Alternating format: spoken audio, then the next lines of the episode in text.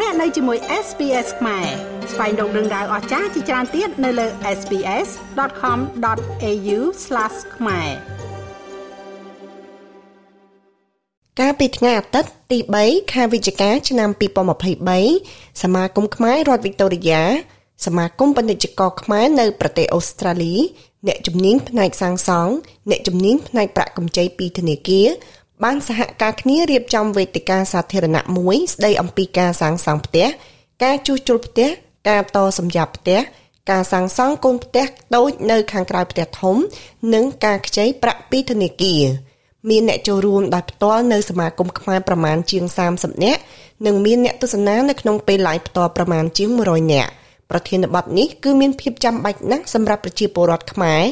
ដែលកំពុងរស់នៅក្នុងប្រទេសអូស្ត្រាលីពីព្រោះបងប្អូនខ្មែរជាច្រើននៅមិនទាន់យល់ដឹងច្បាស់អំពីច្បាប់សាងសង់របស់ប្រទេសអូស្ត្រាលីហើយប្រទេសអូស្ត្រាលីកាលពីពេលថ្មីៗនេះក៏មានការកែប្រែទៅលើច្បាប់ទម្លាប់សាងសង់មួយចំនួនលោកតាក់មីងហៀងសមាជិកសភានៅតំបន់ក្លារិនដាមានប្រសាសន៍ថាវាមានភាពចាំបាច់ណាស់ដែលត្រូវធ្វើការជាមួយនឹងអ្នកជំនាញមុនធ្វើការសាងសង់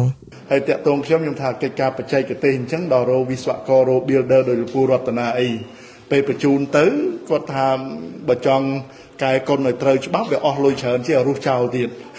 ដល់ពេលអញ្ចឹងអញ្ចឹងចំពោះខ្ញុំខ្ញុំយល់ថាបើយើងបានទទួលនូវព័ត៌មានច្បាស់លាស់ ឬមួយក៏យើងធ្វើអ្វីឲ្យវាត្រូវតាំងពីថ្ងៃទី1តែម្ដងហ្នឹងយើងមិនខាតថវិកាមិនខាតពេលវេលាលោកជីរតនាអ្នកជំនាញផ្នែកសាងសង់បានបញ្យល់អំពីភាពសំខាន់នៃការស្នើសុំអនុញ្ញាតលើគម្រោងសាងសង់ជាមុនសិនមុនពេលធ្វើការសាងសង់សំណង់ណាមួយព្រោះនៅក្នុងនេះវាមាន permit 2 permit មួយគេហៅថា planning permit planning permit ឧបមាថាឥឡូវផ្ទះយើងមួយអញ្ចឹងមានមានហើយយើងចង់សង់មួយទៀតនៅខាងក្រោយ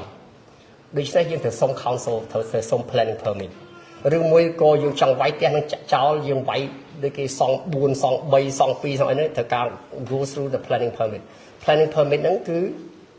council គេចង់ដឹងថាតើដីមួយប្លុកហ្នឹងអ្នកឯងចង់ដាក់ផ្ទះប្រមាណហើយតើសង់បានបានតើអាចនៅកើតមិនកើតដល់ពេលចប់ផុតប៉ុណ្ណឹងហើយបានបានហើយត្រូវការស៊ីពេល1ឆ្នាំទៅ2ឆ្នាំ CPU ដូច្នេះអ្នកដែលគេចង់រកស៊ីខាងហ្នឹង ដាក់លុយចូលទៅប្រហែល1លាន2លានទៅសាប់2ឆ្នាំមកឲ្យបងការបងអីយូរដូច្នេះគេអានឹងច្បាប់រដ្ឋដូច្នេះឥឡូវយើងធ្វើយ៉ាងណាក៏ប៉ុន្តែបើសិនជាយើងមានមានដី មានដីផ្ទះយើងនឹងលើសពី300ម៉ែត្រការ៉េផ្ទះមួយមួយ1ឡូ1ឡូនៅតែចុះជុំវិញទាំងអស់ហ្នឹងសិតតែលើសពី300ម៉ែត្រការ៉េមិនដែរណាមានដីក្រោម300ម៉ែត្រការ៉េទេដូច្នេះយើងភាគច្រើនគឺយើងគ្រប់លក្ខណៈគេហើយហើយយើងអាចសង់ គេហៅ granny flat ហ្នឹងដែលថា granny flat ភាសាភាសាហ្នឹង granny គឺថាចាស់ចាស់នៅណាហើយបើសិនជាយើងសង់60ម៉ែត្រការ៉េនៅក្រោម60ម៉ែត្រការ៉េ60ម៉ែត្រការ៉េយើងបានយើងបានបន្ទប់2យើងបានចកែនបាយមួយយើងបានបន្ទប់ទឹកមួយឬក៏2ដូច្នេះបើយើងសង់ត្រឹម60ម៉ែត្រការ៉េអូតូម៉ាទិកយើងសង់បានបន្ទប់ទឹក2ផ្ទះបន្ទប់នៅ2ចកែនបាយមួយ កញ្ញាតាន់សុផាណែក្រុមប្រឹក្សានៅតំបន់ Noble Park Ward បញ្យល់អំពីកម្មវិធីសាងសង់របស់រដ្ឋាភិបាលអូស្ត្រាលីដែលហៅថា Granny Flat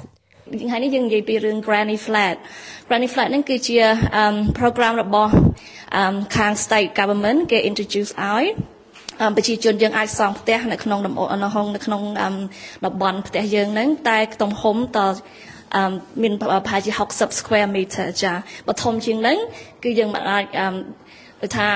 council យើងមិនអាចមិនត្រូវ apply for permit ទេវា permit វាមាន planning permit ឬក៏ building permit ចា planning permit ហ្នឹងដូចជាយើងសង់ផ្ទះអញ្ចឹង យើងមាន plan ថាសង់ដូចថា double story ឬក៏ one story មានកន្លែងតំបន់មានបន្ទប់ប្រមាណអីខ្លះអញ្ចឹងអាហ្នឹងអាហ្នឹងយើង apply ទៅ council តែ granny flat យើងមិនអាច apply ទៅ council ទេអាហ្នឹង state government គេឲ្យថា fast right ទៅហ្មងចាប៉ុន្តែយើងត្រូវ apply for គេហៅ building permit តែ building permit ហ្នឹងគឺខាង council គេមិនទទួលយកទេព្រោះអីគេអាហ្នឹងបើយើងចង់សង់យើងត្រូវតែ សុំតាមអ្នកដែលសង់ឧបមាថា building survey ដូចលោកពូបាននិយាយពីមុនហើយចាអឺសាកសង់ហ្នឹងគឺគេយកទឹកប្រាក់អឺហ្នឹងក្នុងប្រហែលជា1500គឺទៅ5000ជួនកាលលើសនឹងទំហំដែលយើងសង់ហ្នឹងថាយើងមាន plan អីខ្លះអញ្ចឹងចាតម្លៃតាមនឹងផងដែរចា លោកតាន់ខេវិនអ្នកជំនាញផ្នែកផ្ដល់ប្រឹក្សាអំពីកម្ចីពីធនាគារបានបង្ហាញអំពីឯកសារសំខាន់សំខាន់ដែលធនាគារទាមទារដើម្បីអាចទទួលបានប្រាក់កម្ចីបាទហើយតកតងទៅនឹងការខ្ចីលុយនេះដែរខ្ញុំចង់បញ្ជាក់ប្រាប់ថាទោះបីជាយើងខ្ចីលុយក្នុងការសាងសង់ផ្ទះការយើងទិញផ្ទះថ្មីឬក៏យើងអឺសាងសង់ granny flat ហ្នឹងការខ្ចីគឺដូចគ្នាបែបបិទ គឺផ្អែកទៅលើ3ករណីទី1ហ្នឹងគឺផ្អែកទៅលើថាតើប្រាក់ចំណូលយើងនឹងមានប៉ុន្មានណាហើយទី2ហ្នឹងតើយើងមានចំពាក់អីផ្សេងទៀតអត់ឬយើងមានចំពាក់ car loan យើងមាន credit card អីអត់ហើយដែលចំណុចសំខាន់សម្រាប់ការសាងការសង់ training flat ហ្នឹងគឺគេមើលថាតើតម្លៃផ្ទះយើងនោះមានតម្លៃប៉ុន្មានអញ្ចឹងប្រៀបធៀបទៅនឹងកម្ចីរបស់យើងហ្នឹងតើវាមានប៉ុន្មានភាគរយតើយើងលើសពី80%ឬក៏យើង70%ឬក៏60%ហ្នឹងគឺចំណុចសំខាន់ដែលថាខុសភាពខុសគ្នា ក្នុងការខ្ចីលុយហ្នឹងឬក៏ប្រាក់កម្ចីក្នុងការសាងសង់ផ្ទះឬក៏ទិញផ្ទះបាទបាទខ្ញុំនឹងឈានចូលទៅដល់ចំណុចទី2ហ្នឹងចំណុចទី2ហ្នឹងគឺការកម្ចីក្នុងការទិញដីនិងផ្ទះណាសម្រាប់ធនាគារចែកចេញទៅជា2ទី1យើងនឹងផ្ដល់នៅកម្ចីហ្នឹងរហូតដល់90%ក្នុងការទិញផ្ទះនិងដីជាមួយគ្នាណាអញ្ចឹង គេនឹងវាយតម្លៃផ្ទះការវាយតម្លៃផ្ទះហ្នឹងវាផ្អែកទៅលើអីផ្អែកទៅលើថាតើតម្លៃដីដែលយើងទិញហ្នឹងមានប៉ុន្មានតម្លៃសាងសង់តើវាអស់ប៉ុន្មានអញ្ចឹងធនាគារធ្វើការវាយតម្លៃវាយតម្លៃថាអញ្ចឹងផ្ទះហ្នឹងដីប៉ុណ្ណេះសាងសង់ប៉ុណ្ណេះអញ្ចឹងតួផ្ទះសរុបទាំងអស់ហ្នឹងគឺមានតម្លៃប៉ុន្មានអញ្ចឹងការខ្ចីគឺផ្អែកទៅលើការវាយតម្លៃហ្នឹងដូច្នេះយើងអាចប្រាក់កម្ចីហ្នឹងគឺអាចខ្ចីរហូតដល់90%ក៏ប៉ុន្តែប្រផ្អែកទៅលើប្រាក់ចំណូលរបស់យើងដែរណា អានឹងជាចំណុចមួយសំខាន់ដូច្នេះយើងត្រូវមានប្រាក់ចំណូលគ្រប់គ្រាន់ដើម្បីធ្វើការកម្ចី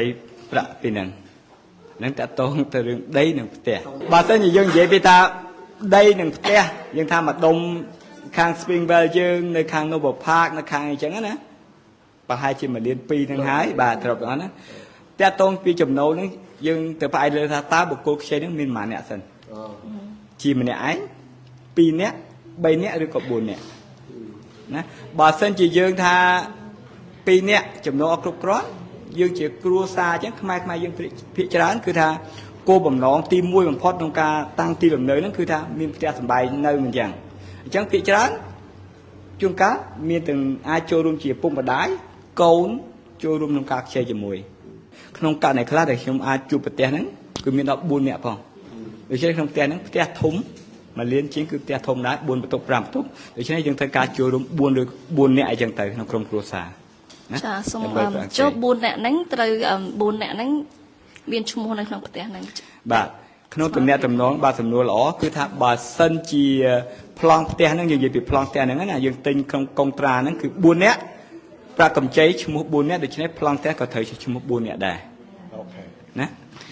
មានតែមួយករណីមួយគត់ ឧបមាថាយើងដីជាមួយនឹងសង់ហ្នឹងយើងជាប្តីប្រពន្ធណាប្រាក់កម្ចីអាចពីរនាក់បានប៉ុន្តែប្លង់ផ្ទះអាចម្នាក់បានបើសិនជាទំនាក់ទំនងជាប្តីប្រពន្ធក៏ប៉ុន្តែជាបងប្អូនឪពុកម្ដាយអឺប្លង់ផ្ទះពីរនាក់ប្រាក់កម្ចីត្រូវតែពីរនាក់ដូចគ្នាបាទអញ្ចឹងមកថាតកតូននឹងប្រាក់កម្ចីហ្នឹងគឺធនាគារប៉ពឹងផ្អែកទៅលើប្រាក់ចំណូលការចំណាយរបស់យើង ជាពិសេសកូនក្មេងដែរឧបមាបើសិនយើងមានកូន2ឬក៏កូន3អញ្ចឹងមិនមែនកើននៅការខ្ចីទេបន្ថយទៅវិញលោកឆែមបូរ៉ាអ្នកផ្ដល់ប្រឹក្សាផ្នែកអចលនទ្រព្យបានរៀបរាប់អំពីប្រភេទផ្ទះផ្សេងផ្សេងនិងណែនាំអំពីចំណុចសំខាន់សំខាន់ដែលត្រូវពិចារណាមុនពេលសម្រេចចិត្តទិញផ្ទះបាទតើគម្រោងផ្ទះថ្មីមានប្រមាណប្រភេទបាទគម្រោងផ្ទះថ្មីមានពីរប្រភេទប្រភេទទី1គឺសង់សម្រាប់ វិនិយោគប្រភេទមួយទៀតសង់សម្រាប់រស់នៅបាទបាទសង់សម្រាប់វិនិយោគយើងទៅសង់ឬក៏ទៅទិញដីនៅតំបន់រៀងឆ្ងាយបន្តិចក៏ប៉ុន្តែថ្ងៃក្រោយអាចចំណេញលុយបាទឬក៏ហៅថា house and land package ហ្នឹងគឺយើងទិញដីហើយយើងសង់ផ្ទះបាទពេលសង់ហើយមានក្រុមហ៊ុនជួយធានារយៈពេល5ឆ្នាំរកអ្នកជួលឲ្យទៀតបាទអញ្ចឹងអត្ថប្រយោជន៍អំពី house and land package ទី1គឺ tech depreciation មានន័យថាបើសិនជាបងប្អូនទិញ house and land package ពេល claim តាក់មកបានច្រើន